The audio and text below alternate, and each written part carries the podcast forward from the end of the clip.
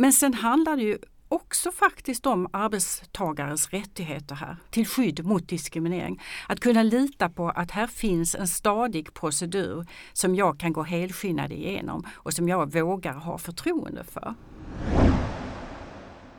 Du lyssnar på Samhällsvetarpodden med mig Simon Winge och mig Ursula Berge. Idag pratar vi om kollektivavtal som ett redskap mot sexuella trakasserier. Europa bygger inte murar! Vi kan inte ta ansvar för, för alla Mellanösterns tonårspojkar. Stockholmare är smartare än lantisar tycker jag. Kladda inte ditt kladdiga kladd! Ja, den där kolbiten den har varit med så mycket så den har ett eget Twitterkonto faktiskt. Our country is going to hell. Hej och välkommen till Samhällsvetarpodden. Vi som leder här idag är jag Simon Winge som är chefsekonom på Akademikerförbundet SSR och jag som är Ursula Berge som är samhällspolitisk chef på förbundet. Om det här är första gången du lyssnar är du extra välkommen. Idag tänkte vi prata om konstruktiva vägar vidare efter metoo. Som fackförbund är vi ju speciellt intresserade av att hitta sätt att stoppa sextrakasserier på våra arbetsplatser. Och det här är andra gången vi poddar om metoo. Eh, för i december redde du Ursula ut eh, tillsammans med Anne Kaun från Södertörns högskola hur vi ska förstå metoo i relation till andra politiska rörelser. Men idag tänkte vi hoppa ner i verktygslådan och prata om hur vi kommer vidare och hur facket ska agera. Eh, och med oss har vi Lena Sveneus som är doktor i rättssociologi, tidigare JämO och även chefsjurist här på förbundet för, förut. Eh, välkommen! Tack, roligt att vara här. Eh, för du skrev förra veckan en DN Debatt som blev väldigt uppmärksammad i vår fackliga värld. Där den största poängen du gjorde var att eh, vi fackförbund skulle kunna minska risken för att metoo sker igen. Eller att ja, minska risken för sextrakasserier. Vad, kan du utveckla ditt förslag?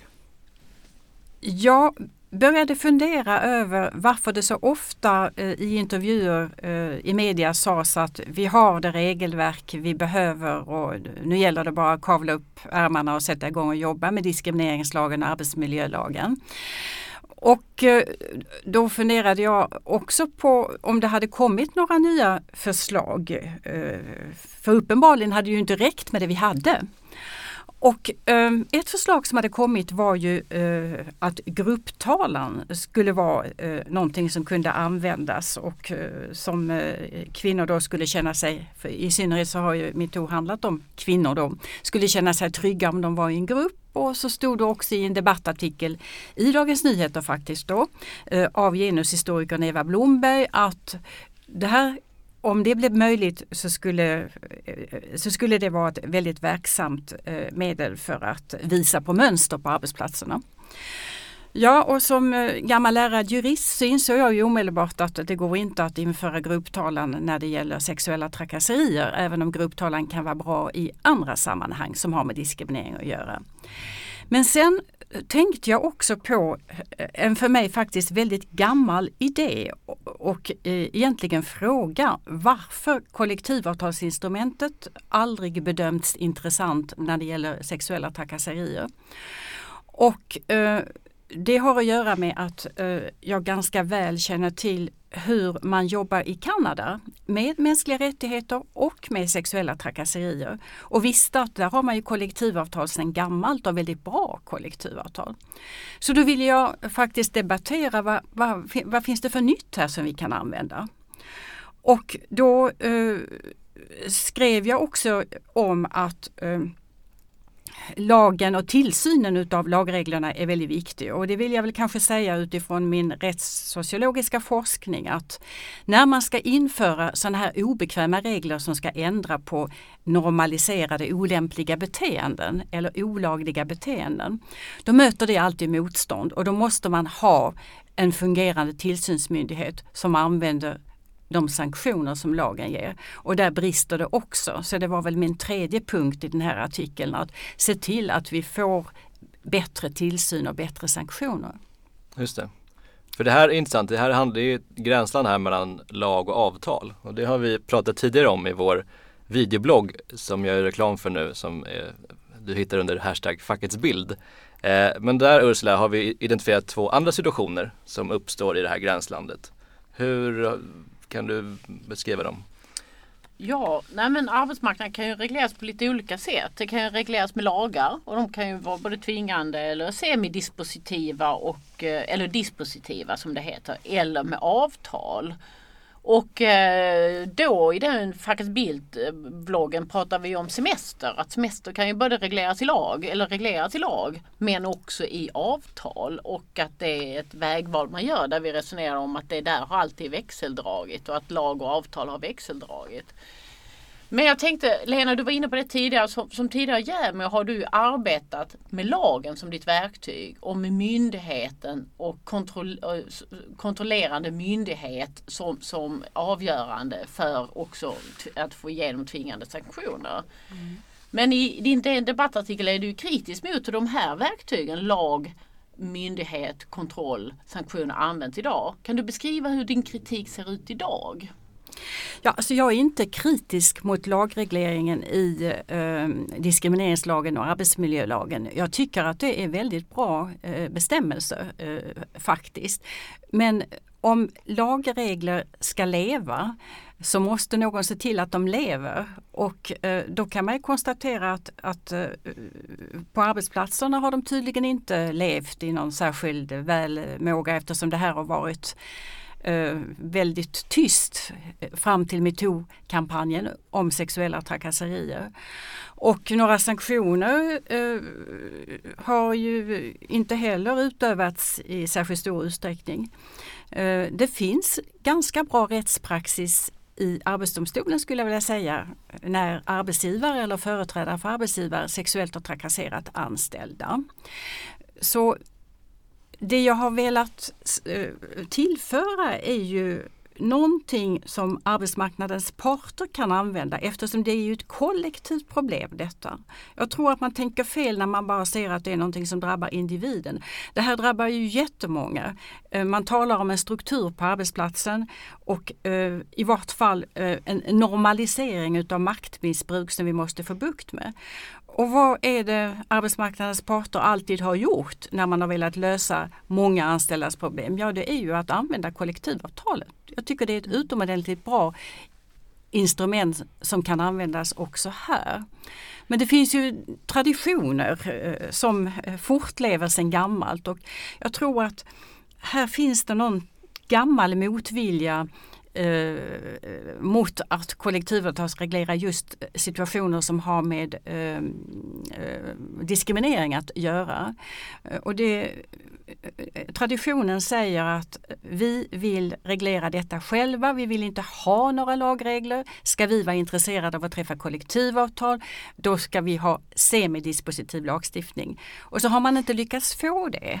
Och därför har det liksom inte blivit något av eh, att, att, att, kräva kollektivavtal. Men jag skulle vilja säga att vårt förbund här har ju faktiskt för eh, ett antal år sedan, jag tror det var 2012, eh, i en avtalsrörelse yrkat på lika behandlingsavtal som också skulle innehålla reglering av sexuella trakasserier. Så det är inte en helt ny tanke.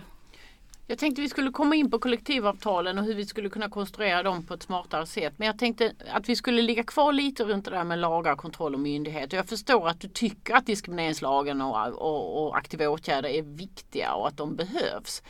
Men eh, behöver de bli starkare eller handlar det bara om bättre tillämpning? Alltså de, lagstiftningen behöver bli starkare när det gäller tillsynen här eh, har man eh, valt att ge vår tillsynsmyndighet som är Diskrimineringsombudsmannen eh, väldigt stor frihet eh, därför att det på grund av internationella eh, åtaganden eh, eh har varit klart att, att man måste garantera självständigheten hos sådana institutioner. Och då har man inte riktigt förstått att självständighet eh, innebär inte frihet från lagregler utan det innebär tvärtom att det ska vara väldigt noga reglerat vilka uppdrag en sån myndighet har och hur den ska arbeta. Men i avsaknad av detta så har vi för närvarande en DO som valt att nästan uteslutande satsa på information, kunskapsspridning, rådgivning och har valt bort eh, de tuffare delar av lagen som innebär sanktioner för att man eh, inte eh, följer diskrimineringslagens diskrimineringsförbud eller sanktioner när det gäller bristande förebyggande arbete. Och det ser man på att eh, det varje år kommer in eh, mellan 100-150 anmälningar till DO om sexuella trakasserier. Men det är kanske en handfull som blir utredda om ens så många. Så då, då, då menar jag att då, då måste man se till att vi inför konkreta och tydliga regler om vad DO ska göra i syfte att garantera självständigheten men också i syfte att hjälpa de utsatta. Och det gäller också den andra delen av lagen, den om det förebyggande arbetet. Uh, här finns ju sanktionen uh, att ansöka om ett vitesföreläggande i en särskild nämnd. Vissa fackförbund har använt sig av detta men att inte tillsynsmyndigheten gör det, det finner jag ganska upprörande. Och här menar jag att måste regeringen gå in och skärpa upp situationen genom tydligare bestämmelser om vad vår tillsynsmyndighet ska göra. Det är liksom en kombination här vid lag, avtal och tillsyn. Och faller en av de här tre benen, då är vi illa ute oavsett vilket ben som faller. Mm. Så den här bollen passar du till regeringen då? I, ja, det kan man regleringsbrev säga. eller instruktioner till diskrimineringsombudsmannen tydliggöra detta? Det räcker inte med regleringsbrev eh, därför att eh, Erik Ullenhag, tidigare eh, ministern ansvarig för DO, eh, gav i regleringsbreven uppgift om att fler skulle få upprättelse och fler eh, tvister skulle lösas genom förlikning. Eh, men det har inte lett till någonting faktiskt. Jag tror att man måste helt enkelt bygga ut regelverket i diskrimineringslagen. Och det finns ju en utredning från 2016 eh, som heter Bättre skydd mot diskriminering där det faktiskt ges ett par regler i alla fall eh, som skulle kunna skärpa upp det hela. Och det förslaget innebär att diskrimineringsanmälningar ska utredas och att förlikningar ska eftersträvas. Men jag tror inte ens att det räcker utan man måste vara väldigt mycket tydligare än så och ha ett antal bestämmelser om vad som ska ske när en anmälan kommer in till DO. Och eh, vilka skyldigheter man har gentemot anmälarna och vilka rättigheter de har det är en brist som det är väldigt angeläget att man läker. Mm. Men det är en annan sak än kollektivavtalen. Kollektivavtalen är kanske det allra bästa redskapet och det klassiska redskapet eh, att lösa den här typen av problem. Mm. Eh, innan vi går in på kollektivavtal tänkte jag bara fråga, du, du nämnde tidigare här att eh, det här med grupptalan fungerar kanske vad det gäller vissa frågor om diskriminering men inte vad det gäller sexuella trakasserier. Kan du utveckla den, eh, varför du inte tror att det skulle fungera vad det gäller sexuella trakasserier? Alltså, grupptalan eh, förutsätter att eh, ett antal personer eh, som kan bilda en grupp har ett yrkande som stöder sig på samma eller väsentligen samma grund som det står i den här speciella lagstiftningen om grupprättegång. Och det innebär att eh, om ett antal kvinnor på en viss arbetsplats har blivit sexuellt trakasserade av arbetsgivaren eller någon företrädare för arbetsgivaren eh, så är så har de säkert då ett skadeståndsanspråk samtliga för vad de har varit utsatta för i strid med diskrimineringslagen. Men eftersom det handlar om händelser vid olika tillfällen och inte exakt samma händelser så kan man inte använda grupptalan jag tar i artikeln exemplet att, att någon anser sig utsatt eh, för något våldtäktsförsök eller något liknande på julfesten. Andra har blivit eh, tafsade på. Eh, ytterligare personer har blivit utsatta för ovälkomna erotiska kommentarer som varit obehagliga och så vidare. Alltså det är inte samma eller väsentligen samma grund utan det är olika händelser. Det faller på detta. Det är juridiken som inte, som inte går att tillämpa här. Eh, om jag ska ge ett exempel där man skulle kunna tänka sig grupptalan men där möjligheten inte finns ännu så länge eftersom det rör arbetslivet och där har man försökt avhålla sig från lagstiftning om grupptalan. Det skulle ju vara om det finns en tariff i ett kollektivavtal, ett löneavtal som slår likadant eller en pensionsbestämmelse som slår likadant mot ett antal personer. Då skulle man kunna använda grupptalan. Men jag tycker det var ändå bra att det här eh, förslaget kom upp för det visar att eh, vi alla letar efter eh, nya sätt att, att tackla den här situationen som har blivit så fruktansvärt plågsamt tydlig efter metoo-kampanjen i höstas och som väl fortfarande pågår. Mm, och vi inventerar ju alla lite verktygslådan men nu ska vi titta in i eh, verktygslådan kollektivavtal. Ja, för det har vi varit inne lite på. Men en fördel som ofta nämns när man kollektivavtalar villkor snarare än i lag är att det, man, det lokala variationer kan tas hänsyn till och så vidare. Gäller det även i den här frågan och kan du då i så fall ge ett exempel på när det skulle kunna skilja sig mellan branscher och, och så? Ja, du, du nämner ju faktiskt det som är eh, en av de stora fördelarna med kollektivavtal, nämligen att de kan lokalt, att man kan lokalanpassa reglerna. Eh, kanske branschvis i det här fallet. Eh, man kan säga att man eh, konkretiserar lagregeln och för ner den på arbetsplatsnivå.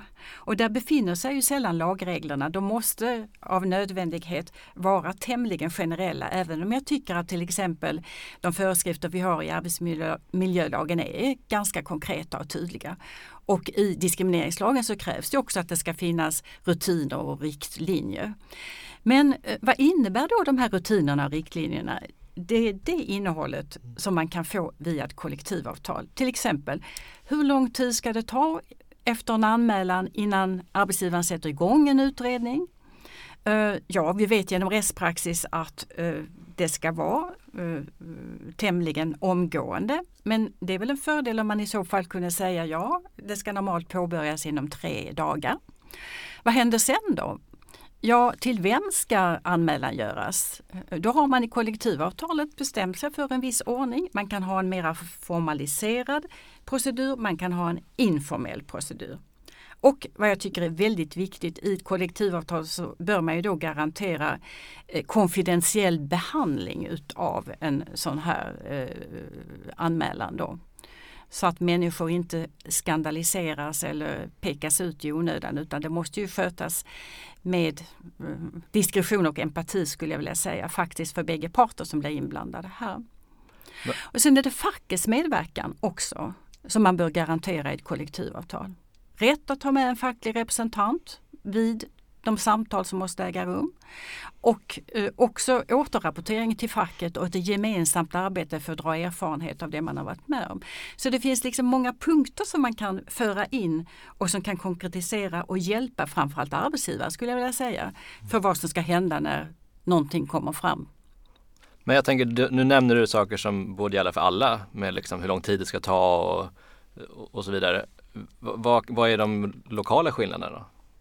Vad skulle de kunna vara? Om man tänker, om...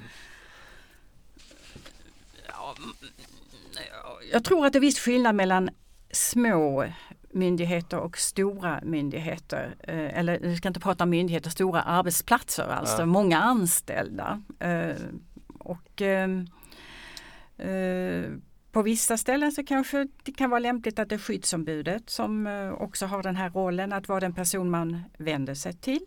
Ofta så brukar man ju säga i de här sammanhangen att det är bra om det är en man och en kvinna, eh, att man har två personer. Men just när det gäller vem man vänder sig till kan ju finnas eh, olika typer av procedurer som mm. man eh, vill ansluta till. Det kanske redan finns någon typ av system som man kan klaga igenom och då kan man ansluta till det.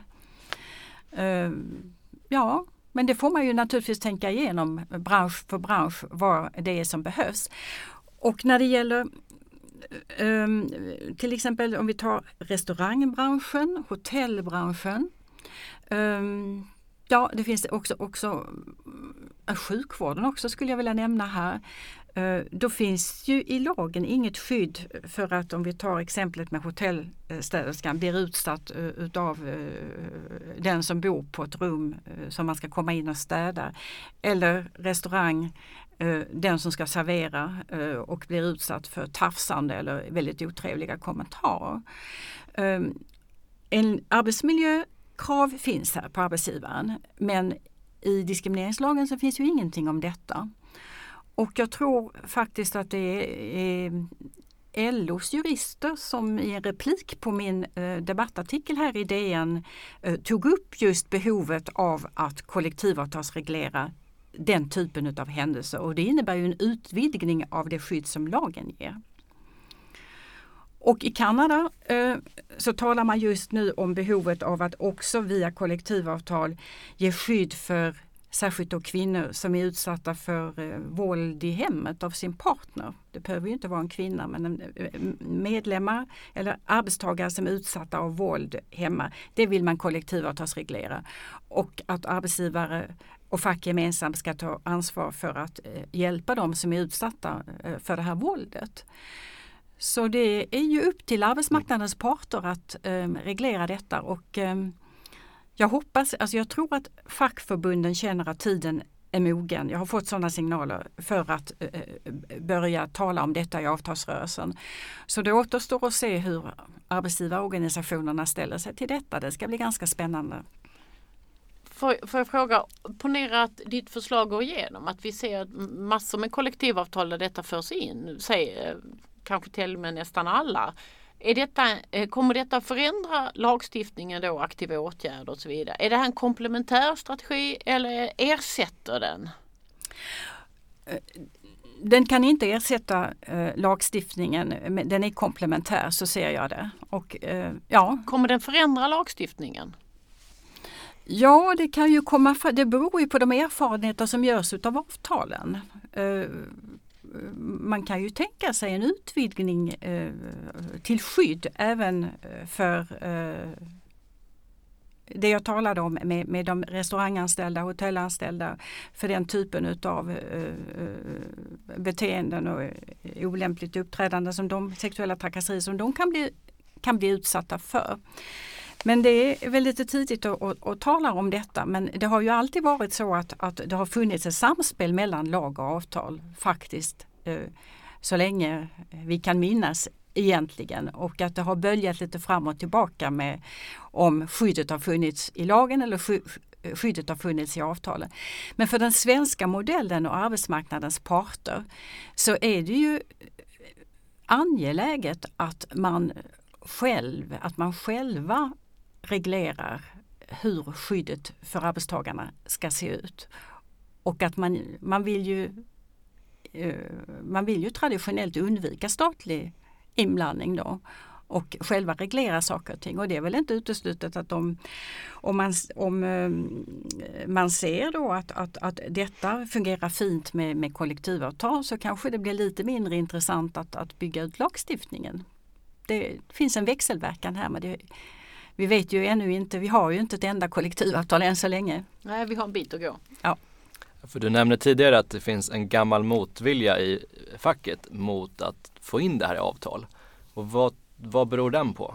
Om du skulle konkretisera det. Varför har man inte velat avtala om det här förut? Det fanns um när den första diskrimineringslagstiftningen kom 1980 så var det på det sättet att den del av lagen som handlade om eh, det förebyggande arbetet, det vi brukar kalla för aktiva åtgärder. Det var eh, semidispositivt och eh, det var då ersatt av eh, jämställdhetsavtal och så hade vi det under eh, drygt tio år. De där jämställdhetsavtalen fungerade dåligt. Det var mera målsättningsdokument än skarpa kollektivavtal och eh, då tröttnade regeringen på eh, detta. Då. Så en borgerlig regering tog bort den här dispositiviteten och eh, så blev då även den delen av lagen tvingande. Och eh, sen dess skulle jag vilja säga så har ju både fack och arbetsgivare kämpat för att få tillbaka den där semidispositiviteten. Och det har eh, på något vis blivit eh, ett återkommande argument att eh, ta bort den där lagregleringen så ska vi lösa det hela via kollektivavtal. Men så länge ni inte gör det så tänker inte vi sluta några kollektivavtal. Så det var såna I remissvaren kan man se, särskilt från arbetsgivarhåll, väldigt sura kommentarer. Litar ni inte på oss och så vidare. Och varför ska vi, när ni redan har fixat det, varför ska vi hålla på med kollektivavtal? Då en slags sårad känsla av att man inte har låtit den svenska modellen ha sin vanliga gång. Då. Men det där ser jag håller på att släppa nu faktiskt. Då. Nu tycker man det är viktigare att göra någonting för de anställda, tror jag, än att hålla fast vid den här gamla traditionella ståndpunkten. Mm. Är det så att det, det där formuleringen du har att arbetsgivaren har sagt att eh, det är um, litar ni inte på oss? Så kan man säga att metoo har, har dödat det argumentet? Att när vi ser så mycket sexuella trakasserier så kanske vi inte bara kan lita på? Nej, nej, det har vänt upp och ner på eh, väldigt mycket skulle jag vilja säga. Det har eh, det har ju eh, blivit väldigt tydligt att det inte handlar om enstaka eh, händelser på, eh, som, sällan som sällan förekommer på väldigt få arbetsplatser utan här har man ju ett, ett mycket stort problem på ett sätt som man kanske inte kanske inte visste om och kanske inte ville se skulle jag vilja säga också. Då. Man pratar ju om tystnadskultur då. Och eh, nu så är väl tack och lov den tystnaden bruten då. Mm. Men de flesta tänker väl att kollektivavtal innehåller olika typer av förmåner, lön och konkreta villkor, ja, till exempel semester och vad det nu kan tänkas vara. Mm. Det här är ju en reglering som i så fall eh, skulle handla om hur arbetsgivaren ska agera. Finns det andra exempel på, på när det är konstruerat på det här sättet? Jag skulle vilja säga att kollektivavtal kan handla om precis allting som rör arbetstagarna på en arbetsplats. Och eh, det kan vara semester, arbetstider, löneförmåner, eh, också skyldigheter, alltså skydd för företagshemligheter. Så att det är inte bara så att det handlar om rättigheter här utan det handlar om inflytande inte minst. Och i den här typen av kollektivavtal som jag tror skulle vara bra så skulle man naturligtvis då också eh, reglera sina eh, relationer, arbetsgivare och, och, och fackförbund i de här speciella frågorna. Men sen handlar det ju också faktiskt om arbetstagares rättigheter här. Det gör ju det. Eh, till skydd mot diskriminering. Att kunna lita på att här finns en stadig procedur som jag kan gå helskinnad igenom och som jag vågar ha förtroende för. Och ehm, jag skulle också vilja tillägga att, att, att, sexuella trakasserier det kostar ju jättemycket pengar för arbetsgivaren. Jag menar med människor som mår dåligt, är sjukskrivna, inte presterar fullt ut. Så att är det någon som egentligen har intresse av att avtalsreglera detta och, och få slut på sexuella trakasserier den mån det går att, att, att göra det så är det ju naturligtvis arbetsgivarsidan. Arbetsgivarsidan och de enskilda arbetstagarna. Facket har väl kanske en rätt så bra ställning när det gäller inflytande tack vare MBL. Men eh, nu när vi också har nya regler sedan 1 januari 2017 om aktiva åtgärder eh, så finns det faktiskt också ett behov att se hur kommer fackets medverkan in när vi nu ska börja diskutera risker i miljön och hur vi ska kunna åtgärda risker, hur dokumentationen ska se ut. Så också den delen av den nya lagstiftningen skulle kunna ingå i ett kollektivavtal. Inte bara själva utredningsproceduren utan också hur man arbetar förebyggande. Vad menar vi med risker? Hur ofta ska vi jobba med det här och hur ska vi utvärdera och så vidare. Så här finns det liksom ett helt fält att eh, ta tag i för arbetsmarknadens parter. Mm. Du har ju nämnt tidigare här med mm, Kanada som ett gott exempel och det nämnde du också i din DN debattartikel. Uh, och det finns ju mycket att inspireras av vad det gäller Kanada. Men det är ett väldigt annorlunda, uh, annorlunda arbetsmarknad. De har 30% kollektivavtalstäckningsgrad när vi har 90% Alltså kan vi ändå ta det bästa till Sverige och göra någonting mm. bra av det på svensk arbetsmarknad? Mm. Ja, när det gäller täckningsgrad och fackligt medlemskap och eh, de två eh, frågorna så ehm, eh, är ju organisationsgraden eh, ganska hög på offentliga sektorn. Den är sämre på den privata sektorn, det är helt riktigt då, men den är faktiskt ganska hög på federal sektor. Väldigt många är federalt eh, anställda.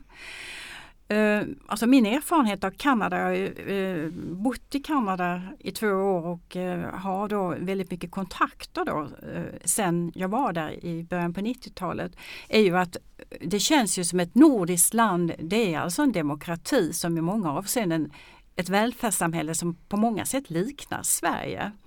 Och ehm, det är helt olikt USA när man talar till exempel om eh, facklig medverkan. Fackförbunden har ganska stark ställning i Kanada. De är eh, aktörer som regeringen lyssnar på där. Så eh, ja, jag tycker att man kan ta många goda idéer därifrån. Men sen finns det ju en skillnad som inte är så rolig tycker jag att tänka på och det är ju att i Kanada då är det fullständigt självklart att sexuella trakasserier handlar om mänskliga rättigheter. Och väldigt många andra frågor också handlar om mänskliga rättigheter. Man har en stark lagstiftning, ett civilsamhälle som är engagerat utifrån att man tankemönstret är att detta är mänskliga rättigheter. Men så har vi ju tämligen nyligen börjat tänka i Sverige och jag tror att väldigt många ser sexuella trakasserier uteslutande som arbetsmiljöproblem, dålig arbetsmiljö. Eh, eh, ja, och det är det naturligtvis också. Men man får inte glömma bort att, att här ska finnas ett skydd för någonting som är det absolut mest centrala i en demokrati och det är mänskliga rättigheter. Mm. Jag tänkte fråga dig, just nu i den politiska debatten så är det ju väldigt mycket diskussioner om, om um, den svenska modellen. Mm. Och uh, om, om den ska stärkas eller försvagas och det läggs olika liksom, um, politiska förslag som drar åt lite olika håll. Skulle det här stärka eller försvaga den svenska partsmodellen? Att man flyttar in ett sånt här väsentligt fält i kollektivavtal? Det skulle stärka den svenska modellen menar jag. Och eh, jag tycker att man redan har någon typ av svensk modell när det gäller det aktiva arbetet eh, mot diskriminering. Låt vara att eh, det inte finns kollektivavtal men det finns i alla fall ett, ett engagemang. Till exempel när det gäller lönediskriminering. Det är ju många fackförbund, särskilt de kvinnodominerade, som verkligen aktivt kämpar mot den typen av diskriminering, då, lönediskriminering. Och det gör man utan att EU-rätten påbjuder eh, någonting speciellt beträffande aktiva åtgärder. Så det här med aktiva åtgärder är faktiskt en rätt så svensk eh, rätt så svenskt påfund. Och kan man stärka upp det genom kollektivavtal då, då menar jag att då, då har man eh, eh också stärkt den svenska modellen. Mm. Om du bara får se kartan, var tror du att eh, sådana här avtal skulle kunna börja hända först?